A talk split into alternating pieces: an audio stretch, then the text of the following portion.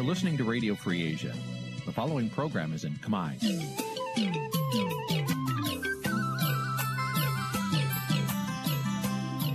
នេះជាកម្មវិធីផ្សាយ Vuthu Azizi Serai នេះជាកម្មវិធីផ្សាយរបស់ Vuthu Azizi Serai ជាភាសាខ្មែរ Vuthu Azizi Serai សូមស្វាគមន៍លោកអ្នកនាងទាំងអស់ពីរដ្ឋធានី Washington នៃសហរដ្ឋអាមេរិក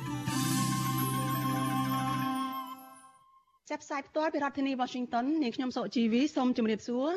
លោកអ្នកនាងកញ្ញាដែលកំពុងតាមដានការផ្សាយរបស់ Vuthu Azizi Serai ទាំងអស់ជាទីមេត្រី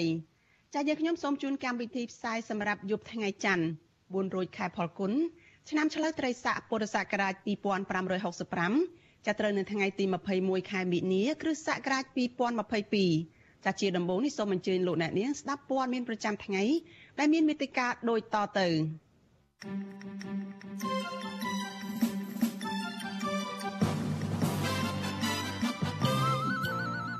មេធាវីកញ្ញាសេងធីរីនិងសកម្មជនគណបកប្រឆាំងថាតុលាការនៅតែគ្មានភ័ស្តុតាងចោទប្រកាន់ពួកគេប្រិស័ទពិសេសអាស៊ានជួបជាមួយមេដឹកនាំរដ្ឋប្រហារមីយ៉ាន់ម៉ាឬភូមាកិច្ចប្រជុំរវាងក្រសួងការងារសហជីពនិងតំណាងបនលបែង Nagavel មិនមានលទ្ធផល អ្នកភូមិស្រែកចោតក្រុមហ៊ុនភូម៉ាឌីថារំលោភយកដីព្រៃសហគមន៍50ហិកតារួមនឹងព័ត៌មានសំខាន់សំខាន់មួយចំនួនទៀត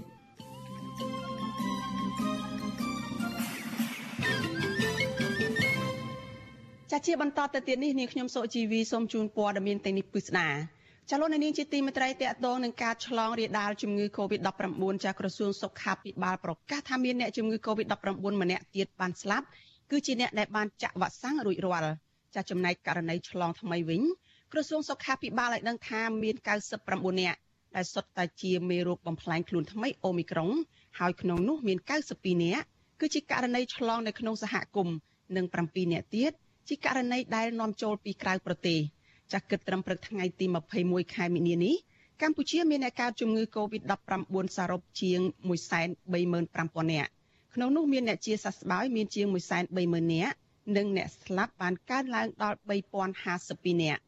ចាចំពោះការចាក់វ៉ាក់សាំងបង្ការជំងឺ Covid-19 វិញក្រសួងសុខាភិបាលប្រកាសថាគិតត្រឹមថ្ងៃទី20ខែមិនិនាម្សិលមិញរដ្ឋាភិបាលចាក់ជូនប្រជាពលរដ្ឋដែលមានអាយុចាប់ពី3ឆ្នាំឡើងទៅ បានជាង14លាន7សែននាក់សម្រាប់ដូសទី1និងដូសទី2ដែលបានចាក់ជាងដែលចាក់បានជាង13លាន8សែននាក់ហើយដូសទី3និងដូសទី4នោះ រដ្ឋាភិបាលចាក់ជូនពលរដ្ឋបានជាង8លាន9សែននាក់ចលនានាងជាទីមេត្រីតកតងនឹងព័ត៌មានពីប្រទេសមីយ៉ាន់ម៉ាឬក៏ភូមាឯនេះវិញចាប់ប្រិសិទ្ធពិសេសអាស៊ានស្ដីពីបញ្ហាភូមានិងជារដ្ឋមន្ត្រីការបរទេសកម្ពុជាគឺលោកប្រាក់សុខុនបានទៅដល់ប្រទេសមីយ៉ាន់ម៉ាឬភូមាហើយនៅថ្ងៃទី21ខែមីនានៅក្នុងដំណើរទស្សនកិច្ចការងារជាលើកដំបូងទៅកាន់ប្រទេសនេះ ដែលមានរយៈពេល3ថ្ងៃចាដំណើរទស្សនកិច្ចនេះគឺជាផ្នែកមួយដើម្បីដោះស្រាយវិបត្តិនយោបាយនៅក្នុងប្រទេសនេះដែលបានអូសបន្លាយអស់រយៈពេលជាង1ឆ្នាំមកហើយក្រោយពេលដែលក្រុមមេដឹកនាំយោធានៃប្រទេសនេះបានដឹកនាំរដ្ឋប្រហារទម្លាក់មេដឹកនាំស្របច្បាប់ចេញពីអំណាចកាលពីថ្ងៃទី1ខែកុម្ភៈឆ្នាំ2021កន្លងទៅដោយចោទប្រកាន់គ្មានភ័ស្តុតាងថាគណៈបករបស់អ្នកស្រីអង្សានស៊ូជីបានលួចបន្លំសัญลักษณ์ឆ្នោត ចាដំណើរទស្សនកិច្ចនេះក៏មានការចូលរួមពីអគ្គលេខាធិការអាស៊ាន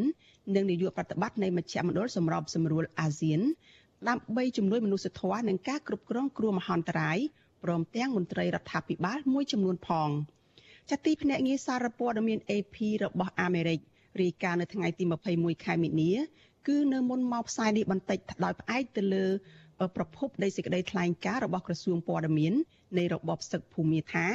លោកប្រាក់សុខុន បានជួបជាមួយមេដឹកនាំរដ្ឋប្រហារនៃរបបសឹកខុសច្បាប់ភូមិគឺលោកមីនអងលៀង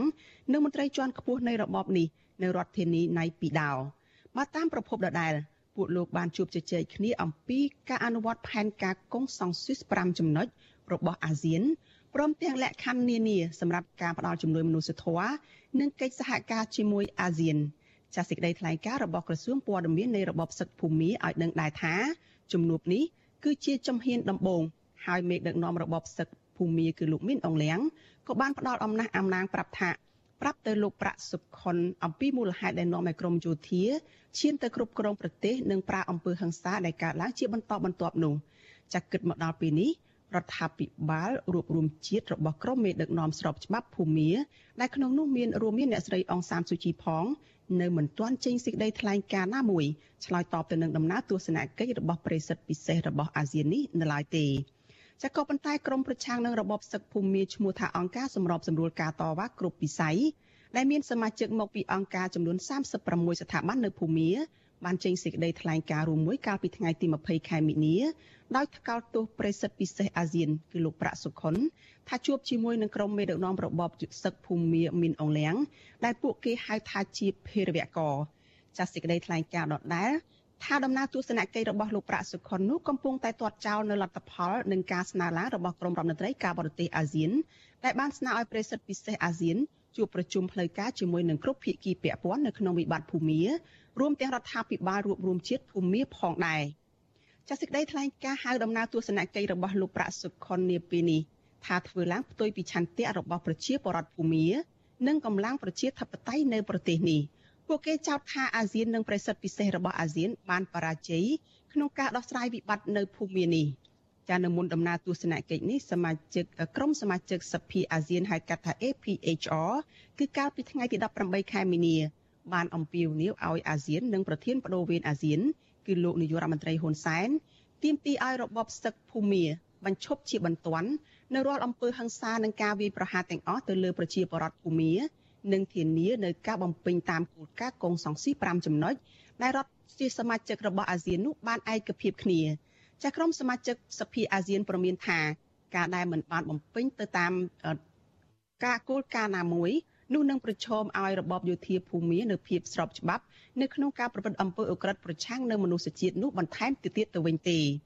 ចាវិទ្យុអាស៊ីសេរីបានជាយាមតាក់ទងអ្នកនាំពាក្យក្រសួងការបរទេសកម្ពុជាគឺលោកជុំសុនទរី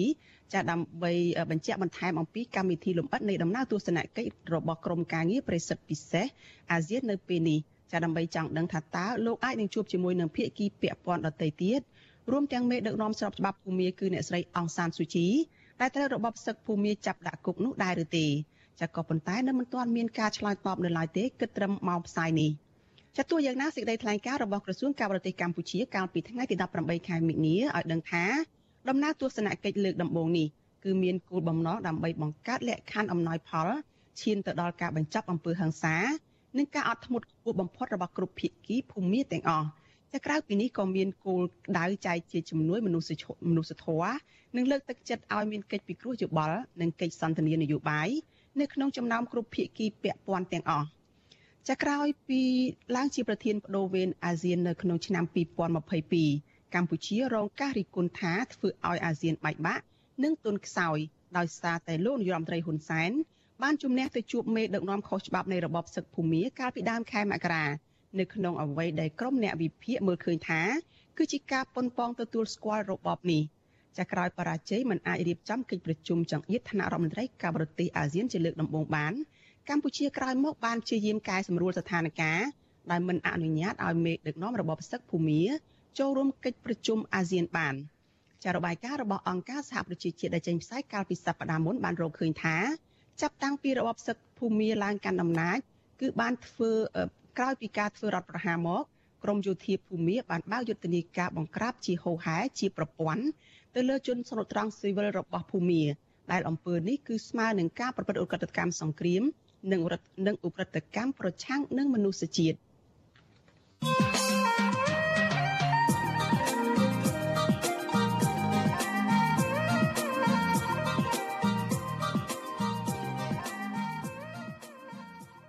ចលនានាងជាទីមេត្រីជនជាតិខ្មែររស់នៅប្រទេសបារាំងមួយក្រុមរួមទាំងពីខុសង្ផង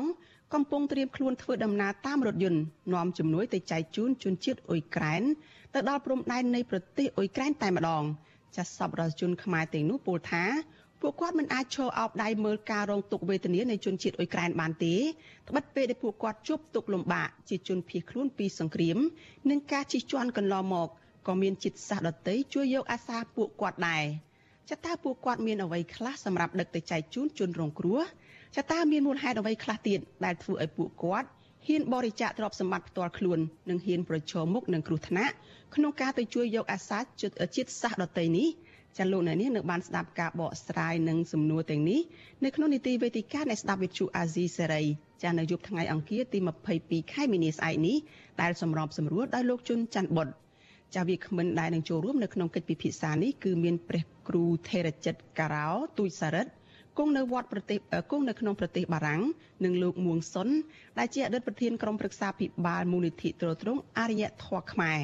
ចាលោកអ្នកនាងក៏អាចសួរវាគ្មិនរបស់យើងឬក៏អាចចេញមកអាចបញ្ចេញមតិយោបល់របស់លោកអ្នកនាងបាននៅក្នុងវេទិកាអ្នកស្ដាប់វិទ្យុអាស៊ីសេរីចាដោយលោកអ្នកនាងដាក់លេខទូរស័ព្ទរបស់លោកអ្នកនាងនៅក្នុងខ្ទង់ comment នៅលើ Facebook និង YouTube របស់វិទ្យុអាស៊ីសេរីដែលកំពុងផ្សាយផ្ទាល់នៅពេលនោះចាក្រុមការងាររបស់យើងនឹងទូរស័ព្ទហៅទៅលោកអ្នកនាងវិញ Yeah.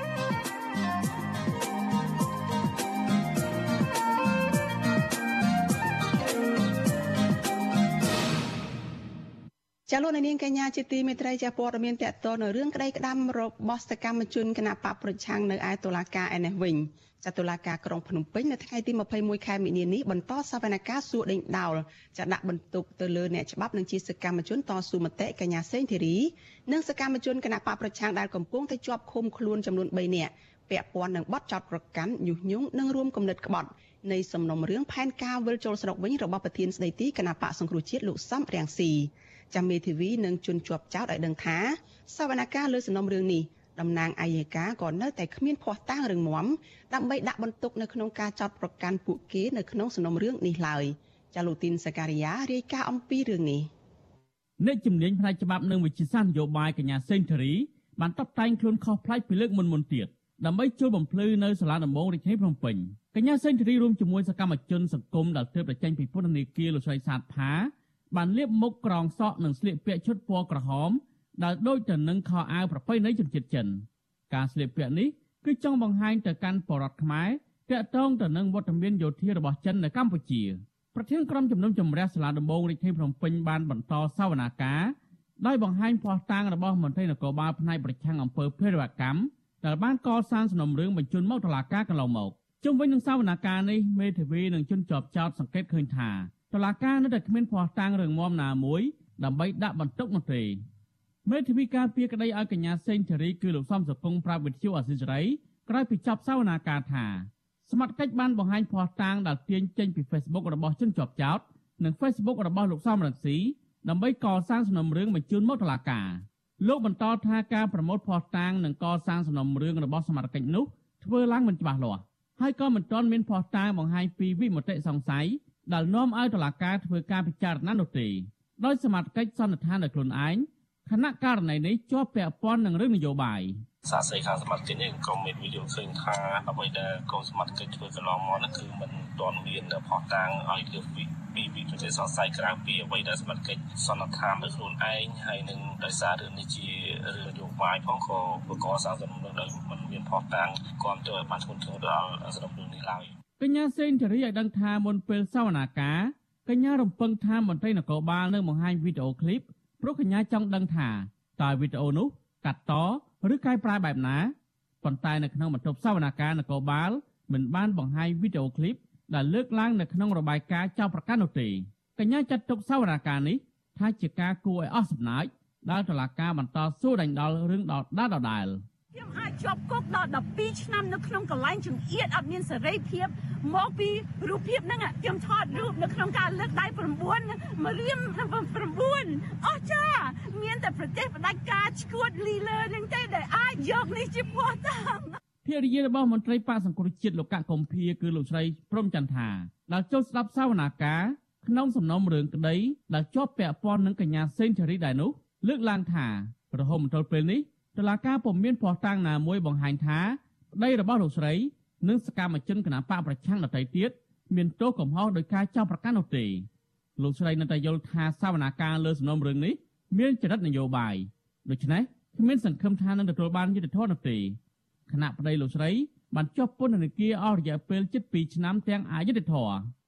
ជាមានភ័ស្តុតាងឬក៏មានភ័ស្តុតាងប៉ុន្តែវាអត់មានគេហៅថាទឹកចិត្តមួយគេហៅថាជឿជាក់លើប្រព័ន្ធតឡាការទាំងស្រុងទៅដោយសារអីតឡាការឆ្លង account អញ្ចឹងហ្នឹងទោះជាគ្មានភ័ស្តុតាងអត់មានអីខុសផងគាត់តឡាការថាខុស5ឆ្នាំដដែលដដែលជឿត្រង់ណាណាហើយតឡាការដាក់សិទ្ធិយុធរកាត់ទោសដោយអត់មានលំអៀងយល់បងប្អូនមិនយល់តិចញៀតហើយចុះមិនស្អីបើមិនខុសផងលេងដាក់គុកដដែលដដែលអាខ្លះហៅតែម៉ាត់5ឆ្នាំទៅហ្នឹងបានន័យថាម៉េចហ៎ចឹងមកកាត់ដីធ្វើអីឥឡូវប្រកាសតែមកទៅចាំបាច់សំដែងស្អីអញ្ញាថ្ងៃហ្មងហ្មងអស់លុយអស់កាក់ដឹកទៅដឹក មកមិនសិនតែជាតឡាការបានចោទប្រកាន់កញ្ញាសេងធារីពីបទញុះញង់និងរូបនឹងក្បត់ពាក់ព័ន្ធនឹងរឿងផែនការវិលចូលស្រុករបស់ប្រធានស្ដីទីគណៈបកសង្គ្រោះជាតិលោកសំរងស៊ីកាលពីឆ្នាំ2019ក្រៅពីនេះបានចោទប្រកាន់សកម្មជនគណៈបកប្រឆាំងជិត50នាក់ផ្សេងទៀតក្នុងនោះសមាជិកបានបញ្ជូនសកម្មជនគណៈបកប្រឆាំង3នាក់ដែលកំពុងជាប់ឃុំគឺលោកកកកំភៀលោកហេងច័ន្ទសុធីនិងលោកទុំបន្ថនមកសាកសួរជាមួយកញ្ញាសេងធារីដែរចំណែកឯនៅក្រៅរបងតុលាការវិញ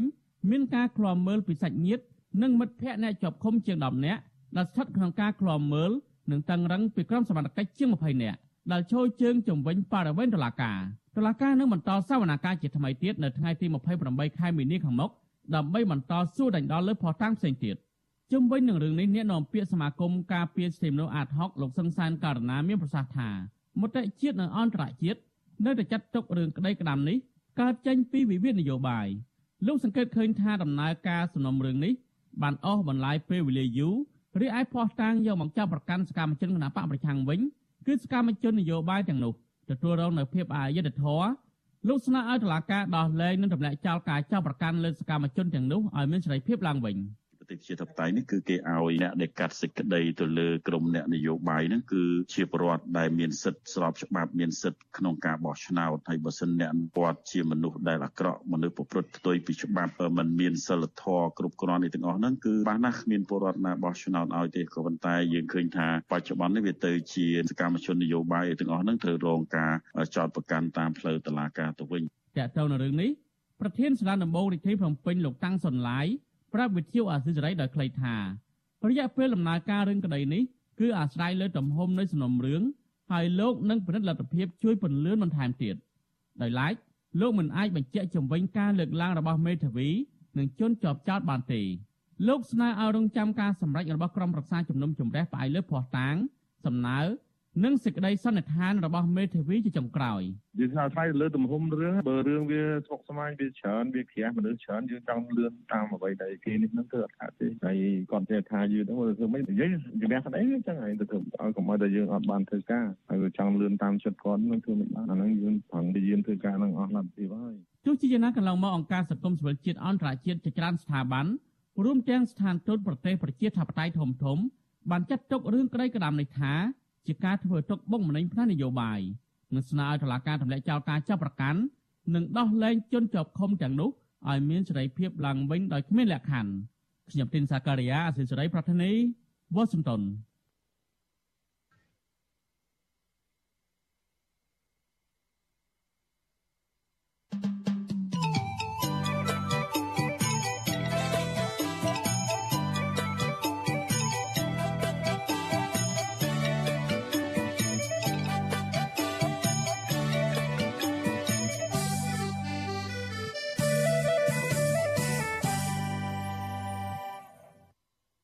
ចលនានាងកញ្ញាជាទីមេត្រីជាតកតនឹងរឿងក្តីក្តាំនៅឯតុលាការសាលាដំបងរាជធានីភ្នំពេញចាដែលបានបើកបន្តសវនកម្មទៅលើសំណុំរឿងរបស់កញ្ញាសេងធីរីនិងសកម្មជនគណបកប្រឆាំងនេះចានេះខ្ញុំមានសម្ភារផ្ទាល់មួយជាមួយនឹងកញ្ញាសេងធីរីចាដែលជាអ្នកច្បាប់និងជាអ្នកជំនាញផ្នែកវិទ្យាសាស្ត្រនយោបាយចាតកតងទៅនឹងសវនកម្មថ្ងៃនេះចាសូមជម្រាបសួរកញ្ញាសេងធីរីពីចម្ងាយចា ជំរាបសួរលោកអូនស្រីសូជីវីជំរាបសួរបងប្អូនទាំងអស់គ្នាចាកញ្ញាសេងធីរីចាថ្ងៃនេះចាមានសម្លៀកបំពាក់ប្លែកទៀតហើយគឺស្លៀកជាស្ត្រីដូចជាជនជាតិចិនហើយក្នុងនោះសេចក្តីរាយការណ៍របស់វិទ្យុអាស៊ីសេរីអំបញ្ញមិញនេះបញ្ជាក់ឲ្យថា ដូចជាចង់បង្ហាញពីទំនាក់ទំនងអីកម្ពុជាចិនអីតើរឿងនេះយ៉ាងម៉េចចាក្នុងការស្លៀកពាក់ទៅចូលសវនកម្មនៅថ្ងៃនេះចាយើងទៅជែកគ្នាអំពីសម្លៀកបំពាក់នឹងបន្តិចមុននឹងយើងចូលទៅដល់សាច់រឿងតាក់ទងនឹងដំណើរការសវនកម្មថ្ងៃនេះចាពីព្រោះនេះជាលខោននយោបាយពេលខ្ញុំចូលសវនាការម្ដងម្ដងតឡាការម្ដងម្ដងខ្ញុំសម្ដែងព្រឹកនេះខ្ញុំសម្ដែងជាអឺខ្មែរដែល សង្គមជំរុញឲ្យស្លៀកពាក់ជាឈុតចិន មានន័យថាពួកខ្ញុំជាស្ត្រីខ្មែរប៉ុន្តែមានការ គៀបសង្កត់ពីអាញាធរដែលកំពុងคลายទៅជាចិន យើងចង់បង្ហាញថាយើងកំពុងឈ្មោះទៅអាណានិគមនិយមចិនហើយយើងឈប់មានអត្តសញ្ញាណផ្ទាល់ខ្លួនហើយ បានចឹងនេះជានិមិត្តរូបនៃការគ្រោះថ្នាក់ដល់ជីវិតជីវិតជាតិមកពីយើង កំពុងបាត់បង់អត្តសញ្ញាណជាជនជាតិខ្មែរចាចំពោះអឺរឿងសវនកម្មនៅថ្ងៃនេះវិញចាធីរីតើអឺ ចំពោះសវនកម្មនឹងដំណើរការយ៉ាងម៉េចទៅហើយមានការឆ្លើយឆ្លងគ្នាអីយ៉ាងម៉េចពីព្រោះបើតាមដឹងនឹងគេអ្នកដែលនៅក្នុងសវនកម្មនឹងប្រាប់មកនឹងថាធីរីបានដូចជាសមាធិអញ្ចឹងទៅ ហើយក៏មានសោចហួសចិត្តឆ្លើយឆ្លងគ្នានៅក្នុងសវនកម្មនឹងតើដំណើរការយ៉ាងម៉េចខ្លះទៅចា៎មកពីខ្ញុំហួសហេតុរឿងនឹងវាហួសហេតុពេកឈប់ អាចខឹងបានពីព្រោះវាហួសកម្រិតខឹងវាហួសកម្រិតស្រក់ទឹកភ្នែកពីព្រោះយើងស្រក់ទឹកភ្នែកសឹងតែរាល់ថ្ងៃយើងត្រូវការរួមអារម្មណ៍យើងសម្រាប់អ្វីផ្សេងទៀតបានចឹងវាហួសហេតុពេកខ្ញុំមានតែសមាធិបួងសួងហើយមានតែអស់សំណើចហើយខ្ញុំរួមស្មារតីជាមួយអ្នកប្រជាធិបតេយ្យពីពេញពិភពលោកអានេះជាសញ្ញានិមិត្តរូបក្នុងការចូលរួមជាមួយ អ្នកប្រជាធិបតេយ្យនៅភូមានៅក្នុងសវនាការតែម្ដងពេញមួយព្រឹកពេលខ្ញុំចូលបំភ្លឺខ្ញុំធ្វើតាមធម្មតាប៉ុន្តែពេលខ្ញុំនៅសម្រាប់ខ្ញុំសមាធិហើយខ្ញុំលើកម្រាមដៃ3ជានិមិត្តរូបអឺលទ្ធិប្រជាធិបតេយ្យព្រឹកមិញមកព្រឹកតែម្ដងសវនាការបានបន្តដេញដល់សមត្ថកិច្ច នេះជាថ្ងៃទី3ហើយជាសវនាការទី3ហើយដែលសវនាការព្រះរាជអាជ្ញាមេធាវីគ្រប់អរបស់តំណាងឲ្យគ្រប់ជនជាប់ចោតហើយចៅក្រមបានសួរលើសមត្ថកិច្ចថ្ងៃនេះមានតែ3នាក់ឯងអមលើកទី1មានប្រហែល6 7នាក់ប៉ុន្តែថ្ងៃនេះមានតែ3នាក់ទេហើយគាត់អត់មានចម្លើយអីដែលអឺមា នមូលដ្ឋានធ្វើឲ្យខ្ញុំអស់សំណើចខ្ញុំចង់បង្ហាញ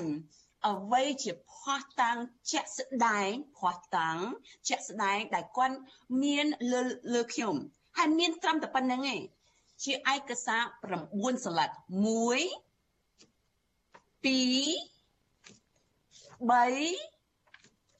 4 5 6 7 8 9អាចុងក្រោយនេះ3នេះមានអត្ថបទក្រៅពីនឹងសិតតែរូបភាពដែលខ្ញុំបានបង្ហោះឲ្យបានទៅសេត្រួសត្រួសមកចំណងជើង ថាខ្ញុំកំពុងធ្វើអី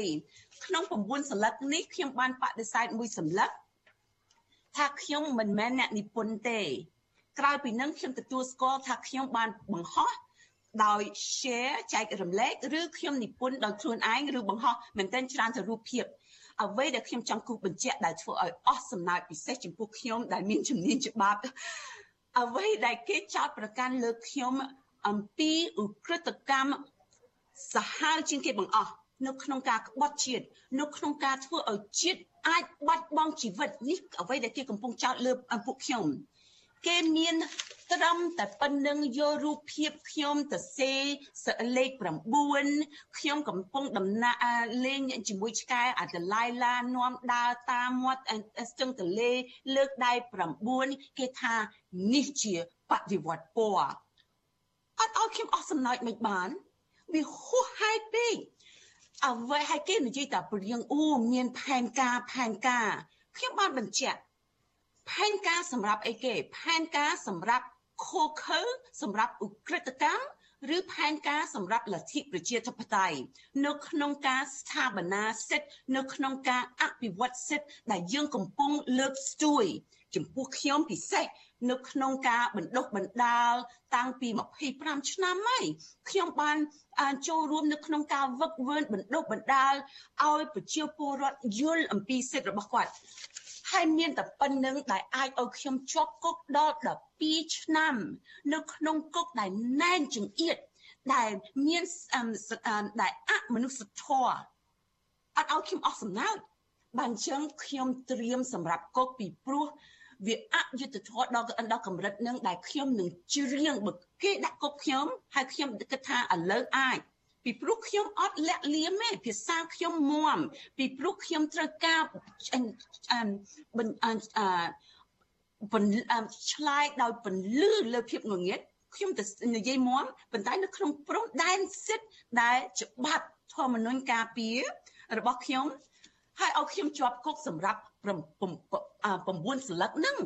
ដែលជាគាត់ស្រង់តាម Facebook របស់ខ្ញុំនឹងដែលជាសិទ្ធិមូលដ្ឋានរបស់ខ្ញុំការពារដោយរដ្ឋធម្មនុញ្ញនឹងនឹងមិនឲ្យខ្ញុំអស់សំណើហើយមិនមែនត្រឹមតែខ្ញុំទេច្រើនអ្នកទៀតដែលគេកំពុងចោទប្រកាន់លីលើបែបនេះដែលខ្ញុំឈប់ខឹងខ្ញុំបួងសួងឲ្យពួកគាត់ហើយ3អ្នកគាត់មានម្នាក់ដែលមែនតែន ខ្ញុំសូមប្រើពាក្យនេះមិនមែននៅក្នុងការវាយប្រហារប៉ុន្តែអត់មានពាក្យអីទៀតក្រៅពីពួកពីពណ៌នាគាត់ធ្វើឲ្យខ្ញុំចាប់អារម្មណ៍អំពីរឿងកំ pl ែងមួយនៅអាមេរិកគេហៅ The Three Stooges ហើយមានម្នាក់ជានាំមុខគេតែម្ដងនៅក្នុងការសម្ដែងដោយគាត់អូលអត់ដឹងអីអានឹងយើងហៅថាអជ័យហើយនេះគាត់ជាសមាជិកហើយខ្លះប៉ុន្តែខ្ញុំសូមខ្ញុំបានគូបញ្ជាក់ខ្ញុំបាន ចាប់អារម្មណ៍បែបនេះខ្លះគាត់អត់ដឹងមែនខ្លះពេលមេធាវីរបស់ខ្ញុំសួរសំណួរគាត់គាត់អត់យល់សំណួរនឹងតែម្ដងហើយសំណួរមែនតើថាមិនសាមញ្ញប៉ុន្តែក៏មិនមិនមែនពិបាកហ្មងទេប៉ុន្តែខ្លះពួកគាត់ធ្វើពុតខ្លះគាត់អត់យល់ខ្លះគាត់ធ្វើពុតហើយខ្ញុំមានសំណួរនៅក្នុងខ្លួនខ្ញុំថាហើយប៉ុន្តែគាត់បានកាន់ តួនាទីនឹងប្រសិនបើគាត់អត់យល់អាចសំណួរមូលដ្ឋានដែលងាយស្រួលយល់សឹងអីហើយហើយគាត់មនុស្សចាស់ទុំកាន់ទីកន្លែងដែលមានអំណាចនៅក្នុងការវាយប្រហារខាំងសេរីភាពរបស់ខ្ញុំហើយអ្នកដទៃទៀតហើយប៉ុន្តែគាត់អាចសង្គមអាចឲ្យគាត់កាន់ទួនាទីបែបនឹងជានគរបាលយុទ្ធធរពេលគាត់អត់យល់អំពីទួនាទីរបស់គាត់ច្រើនដងច្រើនសខ្ញុំគិតចឹង កញ្ញាធីរីកាត់ប្រសាសន៍កញ្ញាកន្លែងហ្នឹងតិចហេតុអីបានជាកញ្ញាប្រៀបធៀបទៅជាថាគាត់មិនបានយល់សាច់រឿងអីទៅវិញពីព្រោះមន្ត្រីនគរបាលដែលចូលមកសវនកម្មនៅថ្ងៃនេះនេះគឺជាមន្ត្រីដែលមកពីខាងដូចជាការិយាល័យភេរវកម្មអីផងមកហ្នឹងគឺប្រកាសជាគាត់មានភ័ស្តុតាងប្រកាសជាគាត់មានអំណះអំណាងមានការស៊ើបអង្កេតមានអីគាត់ច្បាស់លាស់ហើយទើបគាត់ចូលមកក្នុងសវនកម្មនៅថ្ងៃនេះចា៎ ក្នុង3អ្នកព្រឹកមិញនេះដែលមានម្នាក់នៅក្នុងសាវនាការ3នឹងគាត់ច្រើនតែចេញមុខហើយគាត់មិនតែជាអជ័យជាងគេដូចខ្ញុំថាខ្ញុំទូទៅខ្ញុំចាប់អារម្មណ៍ថាអត់ហួសហេតុដូចខ្ញុំមើលការសម្ដែង The Three Stooges ចឹងអឺអជ័យ3នាក់ចឹងប៉ុន្តែមានម្នាក់ពីរនាក់ទៀតគាត់ខ្មាស់អៀនខ្ញុំអាណិតគាត់ប៉ុន្តែម្នាក់ទៀតគាត់ធ្វើដូចគាត់អូដូចដឹងណាប៉ុន្តែពេលមេជីវីខ្ញុំ សួរសំណួរគាត់ម្ដងហើយគាត់អត់យល់ពីរដងហើយគាត់អត់យល់បីដងហើយគាត់អត់យល់ហើយគាត់ទៅឆ្លើយស្អីនៅក្នុងពេលចម្លើយរបស់គាត់ហ្នឹងអើឆ្លុះបង្ហាញថាគាត់អត់យល់សំណួរដែលជាស្រួលយល់មែនតែនហើយខ្ញុំគិតថាទាំងអស់គ្នានៅក្នុងសវនាការហ្នឹងយល់ប៉ុន្តែខ្លួនគាត់ហើយមិនមែនគាត់អត់យល់មកពីគាត់ធ្វើពុតទេខ្លះគាត់ធ្វើពុតមែនប៉ុន្តែនៅក្នុងន័យនេះខ្ញុំគិតថាគាត់អត់យល់មែន ធ្វើខ្ញុំចាប់អារម្មណ៍អំពីរបាយការណ៍របស់ដុល្លារភាពអន្តរជាតិអង្គការដុល្លារភាព Transparency International ថាមានស្ថាប័ន3ដែលពុករលួយជាងគេបង្អស់មានន័យថាគាត់បានទួនាទីមកពីអង្គើពុករលួយ ឬគាត់អែបអមគាត់អត់មានសមត្ថភាពទេប៉ុន្តែគេចេះតែដាក់គាត់នៅក្នុងទួលនីតិនឹងហើយធ្វើខ្ញុំចាប់អារម្មណ៍បែបនឹងតែម្ដង អំពីរបាយការណ៍របស់អន្តរភាពអន្តរជាតិ Transparency International អំពីអំពើពុករលួយពីព្រោះគាត់អត់យល់ទួលនីតិគាត់តែម្ដងជានគរបាលដែលកំពុងផ្ដល់ការគ្រោះថ្នាក់ដល់ខ្ញុំហើយអ្នកដទៃទៀតកំពុងរងរងទុកវេទនាពិសេស អ្នកទោសមនសិការហើយក្រុមគ្រួសារគាត់កូនគាត់ចៅគាត់ប្រពន្ធគាត់លហេមលហាននៅក្នុងការស្វត់ស្វែងទៅរកស៊ីចិញ្ចឹមជីវិតផងចូលសវនាការផងខ្ជះខ្ជាយអន្តរធានជាតិផងហើយឲ្យខ្ញុំអស់សំណាយបែបណាពីព្រោះវាថាលេងលេងលេងអាចខំបានខ្ញុំសើចរហូតហើយខ្ញុំសមាធិមែនតើខ្ញុំបួងសួងឲ្យគាត់ ខ្ញុំអត់ដឹងបួងសួងឲ្យឲ្យឲ្យគាត់ទទួលអ្វីមួយដែលប្រសើរជាងអ្វីដែលគាត់កំពុងមាននៅក្នុងជីវិតគាត់ពីព្រោះវាវាពិបាកយល់ហើយវាវាអត់មានអ្វីក្រៅពីព្រឹត្តិកម្មនៅក្នុងការសើចវាហួសហេតុពេកចាអឺកញ្ញាសេធីរីសវនកម្មនេះមិនទាន់បញ្ចប់ទេពីព្រោះកំពុងតែពិនិត្យមើលភ័ស្តុតាងហើយអឺ សវនកម្មនឹងបន្តនៅថ្ងៃច័ន្ទសប្តាហ៍ក្រោយទៀតហើយក៏នឹងពិនិត្យមើលភ័ស្តុតាងនឹងបន្តទៀតដែរតើកញ្ញាគិតថាសវនកម្មនេះអាចនឹងបញ្ចប់នៅពេលណាទេឬក៏បន្តជាហោហែអញ្ចឹងរហូតទៅឬក៏យ៉ាងម៉េចចា៎ ខ្ញុំគិតថាមិនខ្ញុំគិតថាទាំងអស់គ្នាដឹងថានេះជាករណីនយោបាយវាតេតិនដល់ខ្យល់នយោបាយចាស់ខ្យល់នយោបាយផាត់ទៅឆ្វេងករណីនឹងទៅឆ្វេងផលនយោបាយផាត់ទៅស្ដាំករណីនឹងផ្អៀងទៅស្ដាំបានអញ្ចឹងវាតេតិនដល់អង្គខ្យល់នយោបាយផាត់ទៅខាងណាទៅទិសណាអឺពិសេសតេតិនដល់ខ្ញុំដែលមានសិនជាតិអាមេរិកហើយឥឡូវអ្វីដែលជារឿងក្តៅចំពោះរដ្ឋាភិបាលចំពោះរដ្ឋាភិបាលរបស់ផ្ដាច់ការនេះ គឺជាកិច្ចប្រជុំកំពូលរវាងអាស៊ានហើយសហរដ្ឋអាមេរិកបានចឹងមុនដំបូងពួកគាត់គិតថាអូឲ្យមានសោក្រមមុនកិច្ចប្រជុំនឹងទៅ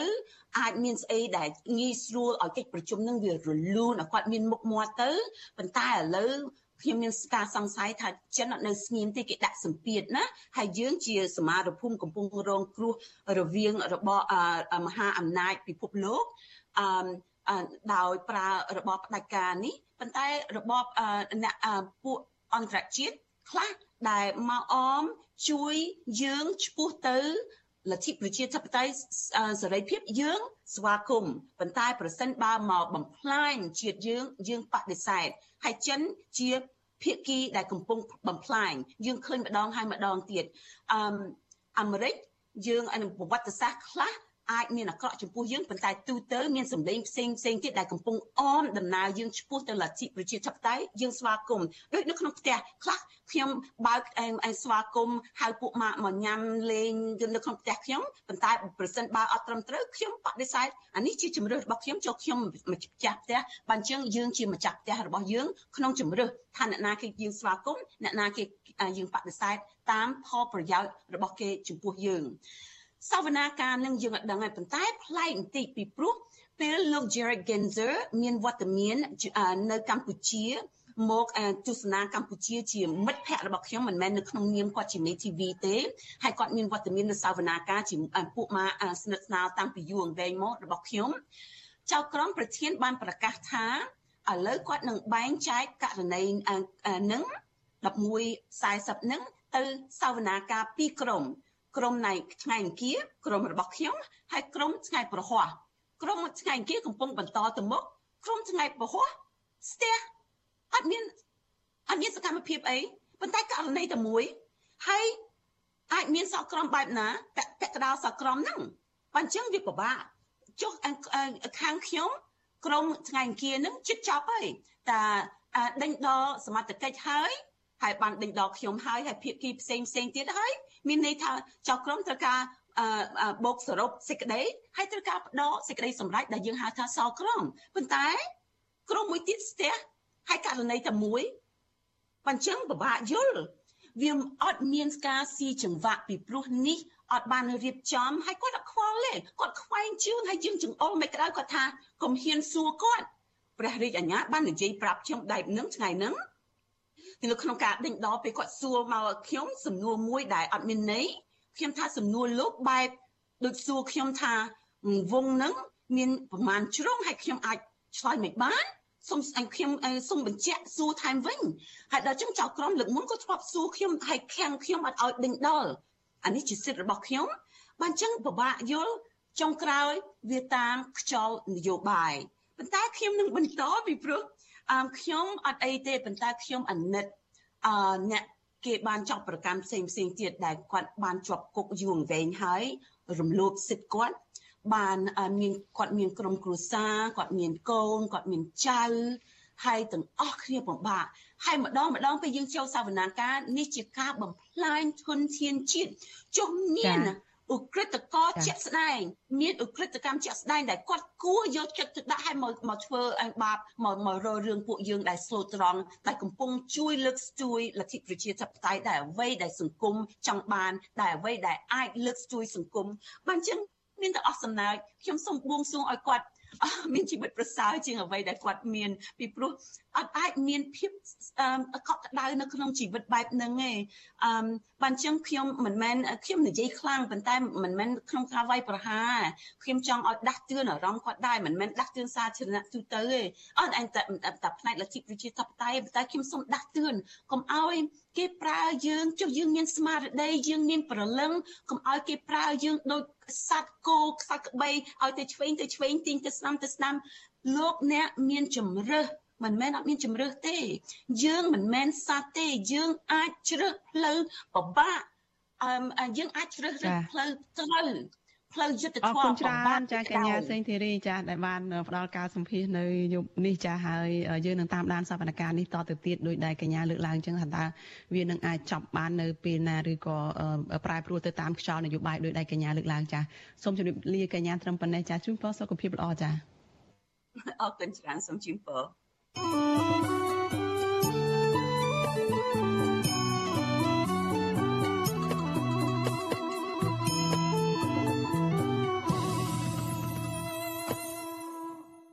ចាលោកនាងកញ្ញាជាទីមេត្រីចាលោកអ្នកកំពុងតែតាមដានការផ្សាយរបស់វិទ្យុអាស៊ីសេរីចាប់ផ្សាយចេញពីរដ្ឋធានី Washington សហរដ្ឋអាមេរិក ចាអង្គការសិទ្ធិមនុស្សអន្តរជាតិ Human Rights Watch ចាត់ទុកតុលាការកាត់ទោសមេដឹកនាំក្រុមមេដឹកនាំគណៈបកសង្គ្រោះជាតិម្នាក់ម្នាក់ឲ្យជាប់ពន្ធនាគារ10ឆ្នាំនាពេលកន្លងមកនេះគឺនៅពេលនៅសប្តាហ៍មុនមកនោះគឺជារឿងអយុត្តិធម៌និងជាការវាយប្រហារដ៏ធ្ងន់ធ្ងរលើប្រជាធិបតេយ្យនៅកម្ពុជា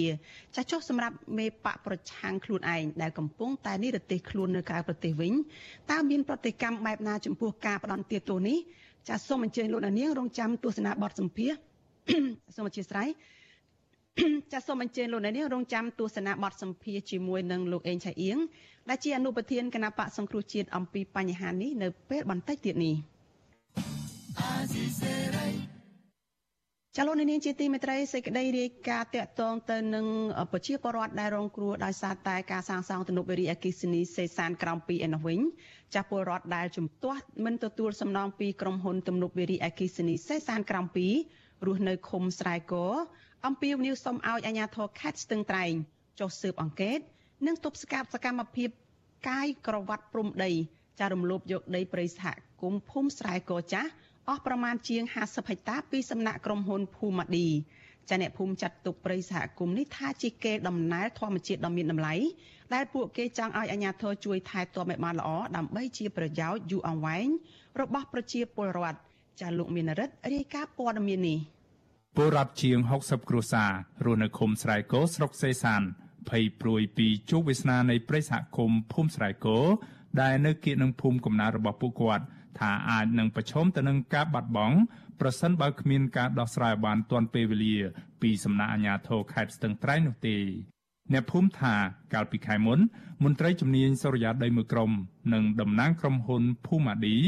បានមកបាញ់ថ្នាំក្រហមនិងបោះបង្គោលកាត់ជ្រៀលដីព្រៃសហគមន៍ទំហំជាង50ហិកតា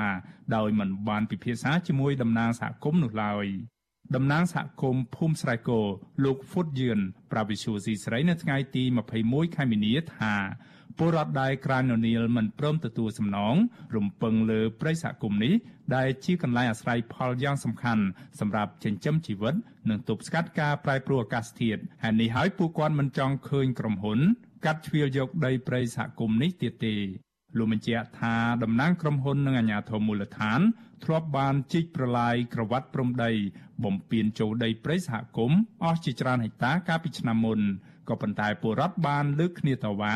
ទើបក្រុមហ៊ុនបានផ្អាកជាបណ្ដោះអាសន្នមិនអោយក្រុមហ៊ុនយកទេមិនអោយក្រុមហ៊ុនវាយយកទេប្រជាពលរដ្ឋគឺគាត់បើអស់ យកដីកន្លែងហ្នឹងយកវាយឈើកន្លែងហ្នឹងចោលអស់ហើយមានប្រជាពលរដ្ឋមានសង្ឃឹមបានអីបានធ្វើផ្ទះធ្វើសម្បែងតទៅទៀតហើយដីទៀតក៏ប្រជាពលរដ្ឋបានស្អីអាស្រ័យផលលើដីហ្នឹងដល់ពេលវាអស់ហើយនៅសល់បន្តិចមួយហ្នឹងដីហ្នឹង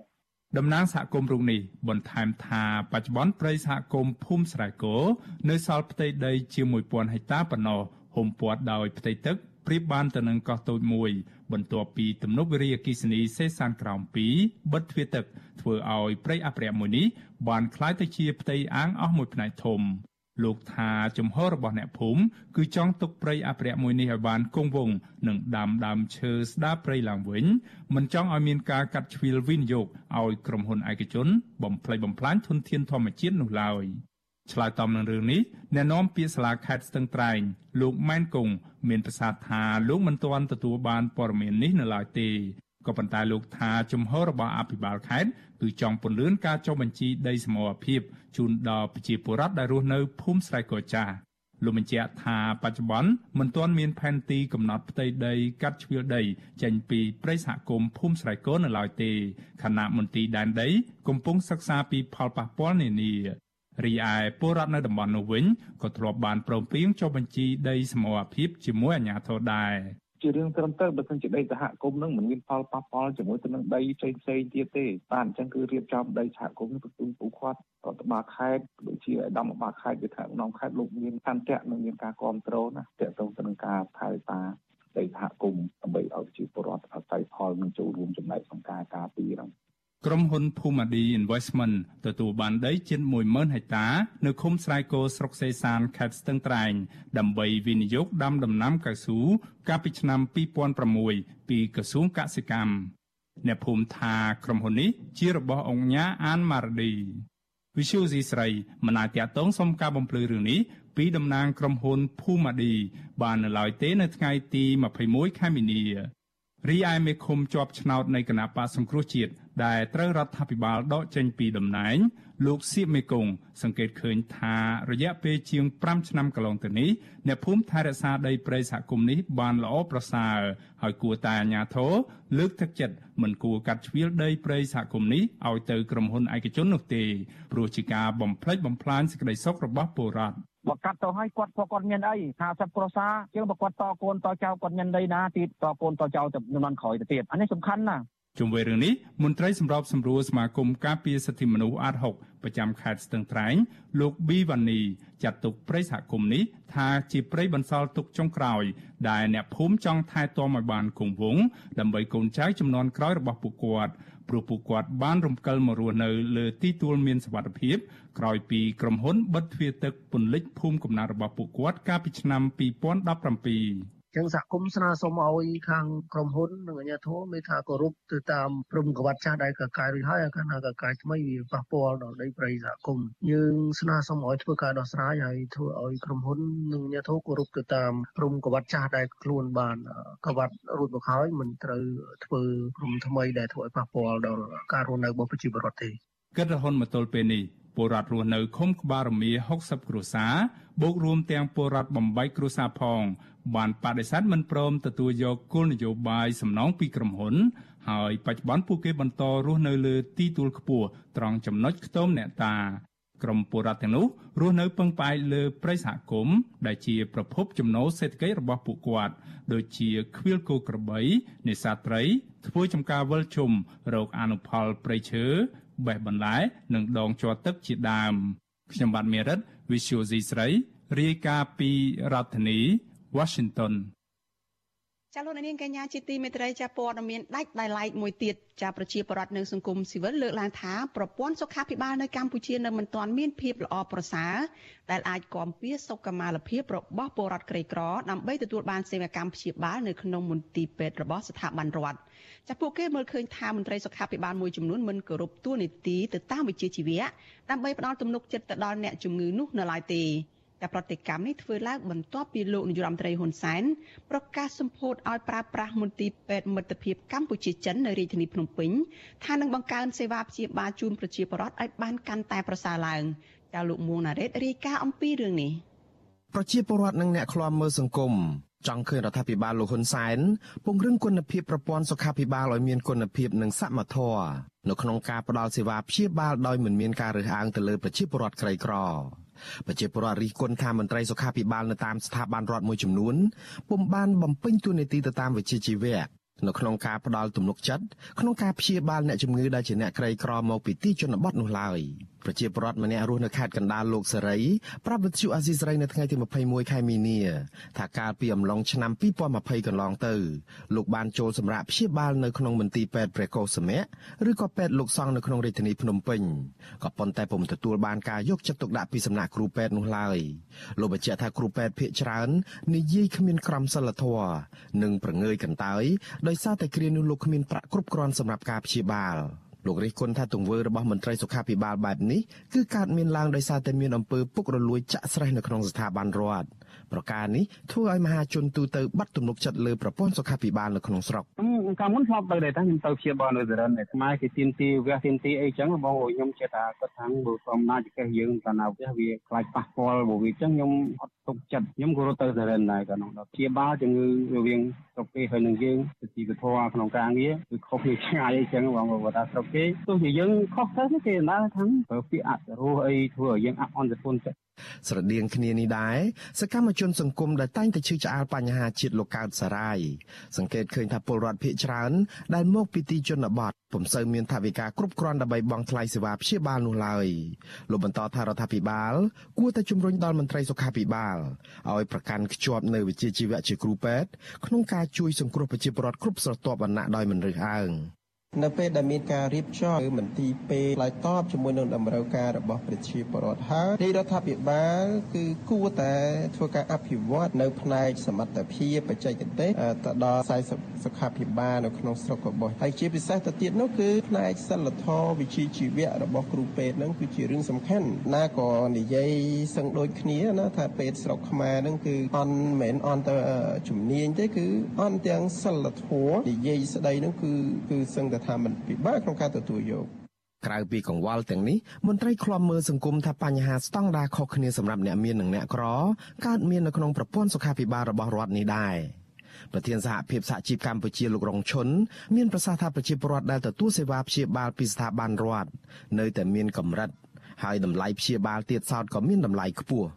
លោករិះគន់ថាប្រព័ន្ធសុខាភិបាលបច្ចុប្បន្នហាក់បង្កើតឡើងមានស្តង់ដារ2ចំពោះអ្នកមាននិងវណ្ណៈកសិករ លោកកត់សម្គាល់ឃើញថាប្រជាពលរដ្ឋក្រីក្រដែលរកសេវាព្យាបាលពីមន្ត្រីសុខាភិបាលសង្កេតឃើញថាមន្ត្រីទាំងនោះហាក់មិនអើពើផ្ដល់កិច្ចគាំពារជួយសង្គ្រោះពួកគេបានភ្លាមៗនោះឡើយស្រី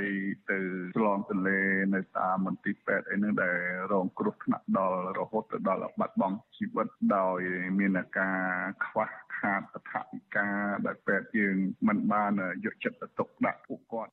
ប្រតិកម្មរបស់ប្រជាពលរដ្ឋនិងអ្នកខ្លាំមើលសង្គមទាំងនេះធ្វើឡើងក្រោយពីលោកនាយរដ្ឋមន្ត្រីហ៊ុនសែននៅថ្ងៃទី21ខែមីនាសម្ពោធដាក់ឲ្យប្រើប្រាស់មន្ទីរពេទ្យមិត្តភាពកម្ពុជាចិនព្រះកុសមៈដែលជាជំនួយឥតសំណងរបស់រដ្ឋាភិបាលចិនចំណាយថវិកានៅក្នុងការសាងសង់ជាង80លានដុល្លារ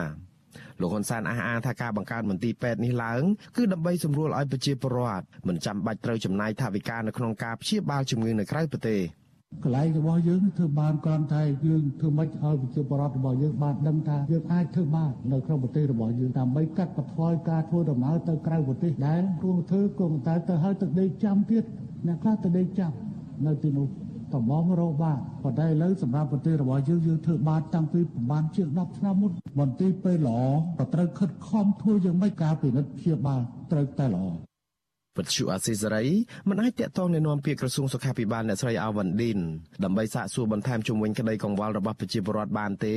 នៅថ្ងៃទី21ខែមីនាជាមួយរឿងនេះប្រធានសមាគមគ្រូពេទ្យគុណធម៌កម្ពុជាលោកអ៊ូចវិធីសង្កេតឃើញថានៅតាមស្ថាប័នផ្នែកសុខាភិបាលប្រជាពលរដ្ឋក្រីក្រមានការលំបាកច្រើនដោយសារតែការខ្វះការយកចិត្តទុកដាក់អើពើជួយសង្គ្រោះពួកគាត់ លោកវិជ្ជបណ្ឌិតបន្តថាពលរដ្ឋភៀសច្រើនដែលមកពីតាមទីជនបទមានអ្នកខ្លះបាត់បង់ជីវិតហើយគ្រូពេទ្យពុំបានសង្គ្រោះពួកគាត់នោះឡើយលោកបន្ថែមថានៅក្នុងស្ថាប័នសុខាភិបាលក៏មានក្រុមគ្រូពេទ្យជាច្រើនគ្មានក្រមសីលធម៌គិតតែពីផលប្រយោជន៍ផ្ទាល់ខ្លួនមិនយកចិត្តទុកដាក់ព្យាបាលអ្នកជំងឺដែលគ្មានលទ្ធភាពដើម្បីឲ្យពួកគាត់ទទួលបានភាពកក់ក្ដៅនោះឡើយ។ មន្ទីរពេទ្យរដ្ឋមួយមួយត្រូវការជួយមើលរាជយើងដោយដោយគ្មានអើងទី1ទី2ពេលណាយើងឃើញក្រីក្រយើងត្រូវជួយគាត់ដល់ត្រីខលខូចេះតែយកបងវាការខ្វះខាតមួយរវាងមន្ត្រីទុករលួយនៅពេញស្រុកយើងនឹងបាទហើយមិនមែនបុគ្គលិកតូចតាចទេវាមានអ្នកអ៊ុំពីលើវាជំរុញបងលុយហ្មងបាទដល់អញ្ចឹងទៅអ្នកដែលកាន់លុយហ្នឹងវាមកចត់ចឹងហ្មងហើយឡៃតែសួរនាំរឿងបងលុយគេស្លាប់បាត់ហើយក៏មានគាត់បងលុយអាឡៃតែប្តីទៅរលុយទៅលក់គោលក់កបីមកវិញវិញក៏ពុនកូនស្លាប់បាត់មន្ទីរពេទ្យមិត្តភាពកម្ពុជាចិនព្រះកុសមៈឬហៅពេទ្យលោកសង្ឃនេះត្រូវបានសាងសង់លើទំហំដីជាង13000ម៉ែត្រក្រឡា មានកម្ពស់11ជាន់និងប្រវែង53ម៉ែត្រលោកហ៊ុនសែនប្រកាសថាមន្ទីរពេទ្យនេះត្រូវបានបំពាក់បរិក្ខារទំនើបផ្នែកសង្គ្រោះបន្ទាន់ដើម្បីវះកាត់ផ្លាស់ប្តូរសរីរាង្គនិងផ្នែកសម្ភពព្រមទាំងសេវាជំនួយផ្សេងៗទៀតដោយមានក្រែទទួលអ្នកជំងឺសម្រាប់ព្យាបាលចំនួន400ក្រែ បើទោះបីជាលោកហ៊ុនសែនអះអាងប្រាប់ប្រជាពលរដ្ឋពីគុណភាពមន្ទីរពេទ្យក្រោមជំនួយឥតសំណងរបស់មិត្តដៃថៃរបស់លោកក្តីក៏ប៉ុន្តែលោកហ៊ុនសែននិងគ្រួសាររបស់លោកហាក់មិនមានជំនឿនៅក្នុងការទទួលសេវាព្យាបាលពីមន្ត្រីរបស់លោកនោះឡើយជាញឹកញយលោកហ៊ុនសែននិងក្រុមគ្រួសារព្រមទាំងក្រុមមន្ត្រីមេឈ្មោះក្រាក់ក្រាក់ដែលស្និទ្ធនឹងលោកពេលដែលមានជំងឺធ្ងន់ធ្ងរម្ដងម្កាលតែងតែនាំគ្នាវិច្ចលុយរាប់ម៉ឺនដុល្លារដើម្បីទៅព្យាបាលនៅក្រៅប្រទេស ប្រជាពលរដ្ឋយល់ថាបញ្ហានេះកាន់តែឆ្លុះបញ្ចាំងឲ្យឃើញថាក្រុមគ្រួសារនិងបកពួករបស់លោកក៏មិនមានទំនុកចិត្តទៅលើគុណភាពនៃសេវាសុខាភិបាលក្រោមការដឹកនាំរបស់លោកនោះដែរ ប្រជាពលរដ្ឋនិងមន្ត្រីអង្គការសង្គមស៊ីវិលរិះគន់ថាទង្វើប្រមុខរដ្ឋាភិបាលបែបនេះជាគំរូអាក្រក់មួយដែលធ្វើឲ្យប្រជាពលរដ្ឋបាត់ទំនុកចិត្តទៅលើក្រុមគ្រូពេទ្យនៅក្នុងស្រុកនិងធ្វើឲ្យប្រព័ន្ធសុខាភិបាលពុំសូវមានតម្លៃពួកគេទាមទាររដ្ឋាភិបាលពង្រឹងផ្នែកសុខាភិបាលនេះឲ្យមានគុណភាពជាងបច្ចុប្បន្ននិងធ្វើការអប់រំណែនាំមន្ត្រីសុខាភិបាលជាប្រចាំដើម្បីឲ្យគ្រប់តួនាទីអនុវត្តតាមវិជ្ជាជីវៈដើម្បីផ្ដល់អាទិភាពនៅក្នុងការជួយសង្គ្រោះជូនប្រជាពលរដ្ឋដែលមានជីវភាពក្រីក្រឲ្យពួកគាត់មានទំនុកចិត្តនិងទទួលបានភាពកក់ក្ដៅឡើងវិញខ្ញុំបាទមុងណារ៉េត With you Asisari ប្រធានាធិបតី Washington ចាលោកនាងជាទីមេត្រីជាងាកមកព័ត៌មានតកតងនឹងកតកម្មរបស់ក្រុមបុគ្គលិកកម្មករនៅឯកាស៊ីណូ Naga World ឯនេះវិញចាក្រុមកតកតដែលជាបុគ្គលិកកាស៊ីណូ Naga World ជាង200នាក់នៅថ្ងៃទី21ខែមីនាសោកស្ដាយដែលក្រសួងការងារចាគ្មានឆន្ទៈដោះស្រាយវិវាទការងារឲ្យក្រុមកតកតទទួលបានយុត្តិធម៌នោះទេ ចាក្នុងការចរចាដោះស្រាយវិវាទការងារនេះដែលមានតំណាងសហជីពទើបតែចេញពីពន្ធនាគារ5នាក់និងតំណាងក្រុមហ៊ុន Casino Naga World ដែលមានការសម្របសម្រួលដោយគណៈកម្មាធិការរបស់ក្រសួងការងារចាកោតតកនិងបុគ្គលិកក្រុមហ៊ុន Casino Naga World គឺលោកស្រីច័ន្ទបូរ៉ាប្រាប់វិទ្យុអាស៊ីសេរីនៅថ្ងៃទី21ខែមីនាថាតំណាងសហជីពបានចូលរួមជាមួយក្រសួងការងារនៅក្នុងលក្ខខណ្ឌ4ចំណុចដំបូងលោកស្រីបន្តថានៅក្នុងចំណុចសំខាន់ទាំង4នោះ នៅក្នុងការចរចាជាដំបូងតំណាងសហជីពទាមទារឲ្យក្រុមហ៊ុនទទួលយកបុគ្គលិកនិងតំណាងសហជីពចូលធ្វើការវិញប៉ុន្តែក្រសួងការងារនិងក្រុមហ៊ុនគឺមិនព្រមធ្វើតាមលក្ខខណ្ឌនោះឡើយ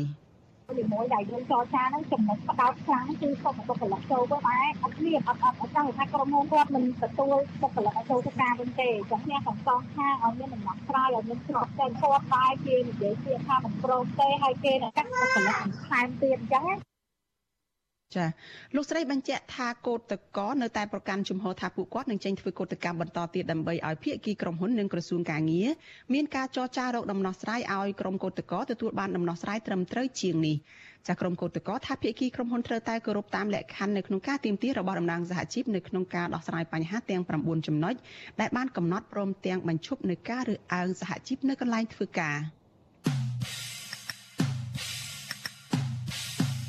នេតិខ្មែរកម្ពុជាក្រោម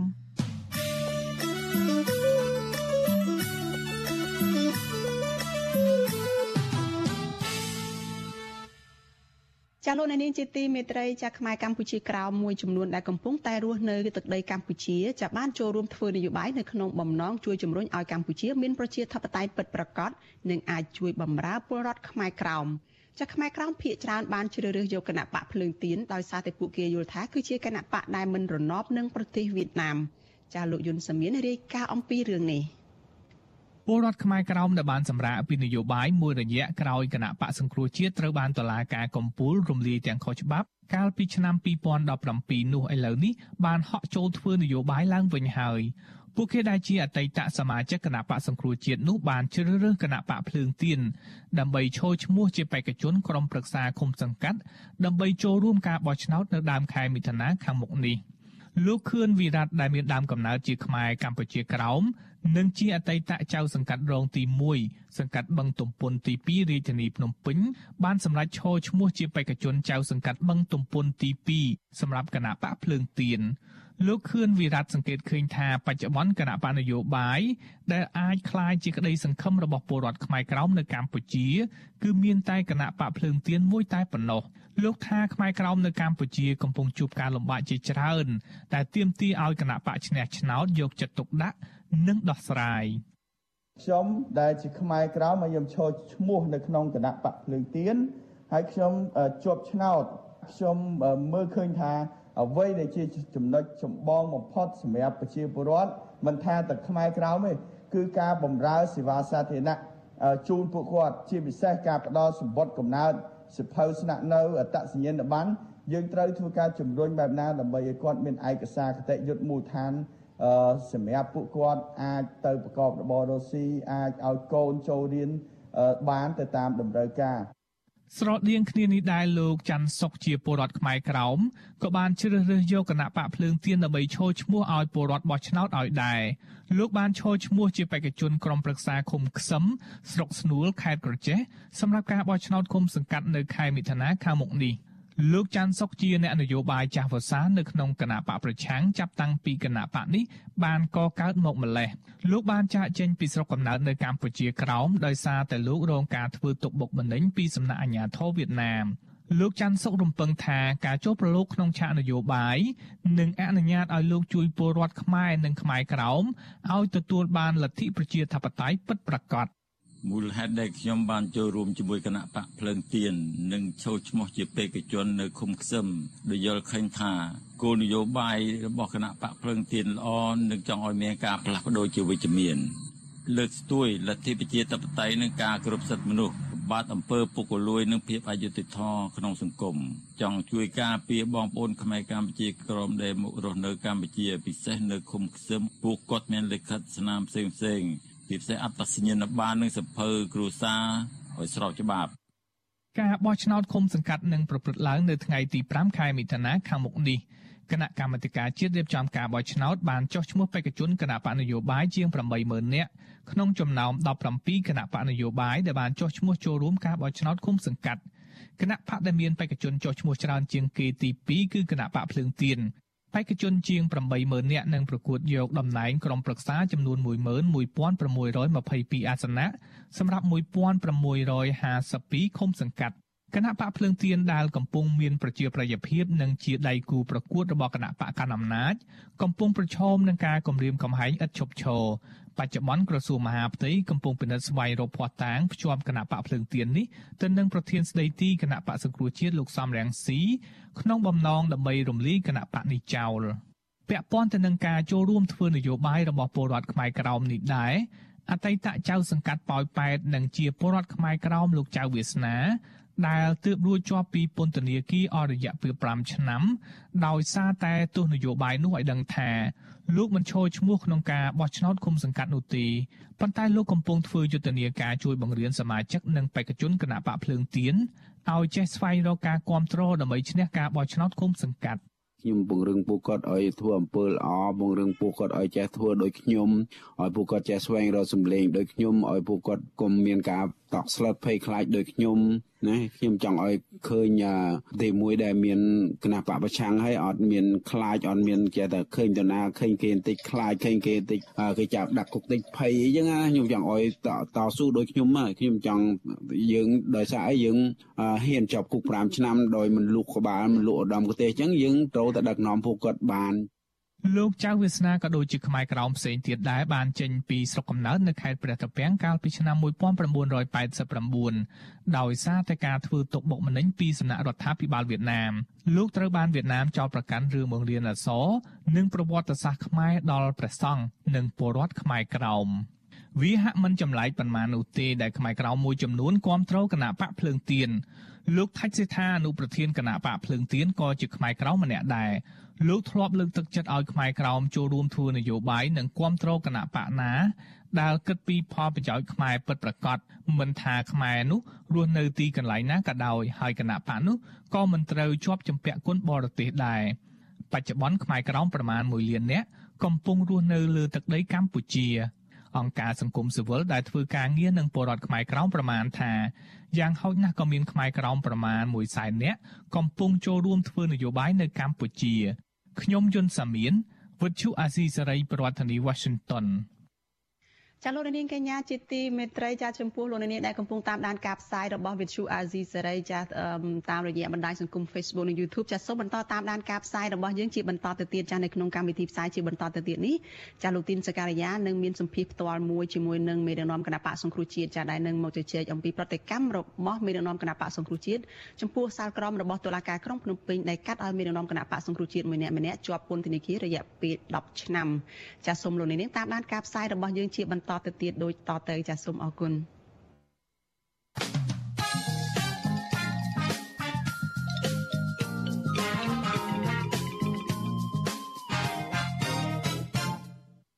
បាទខ្ញុំបាទទីនសាករិយាសូមជម្រាបសួរលោកអ្នកកញ្ញា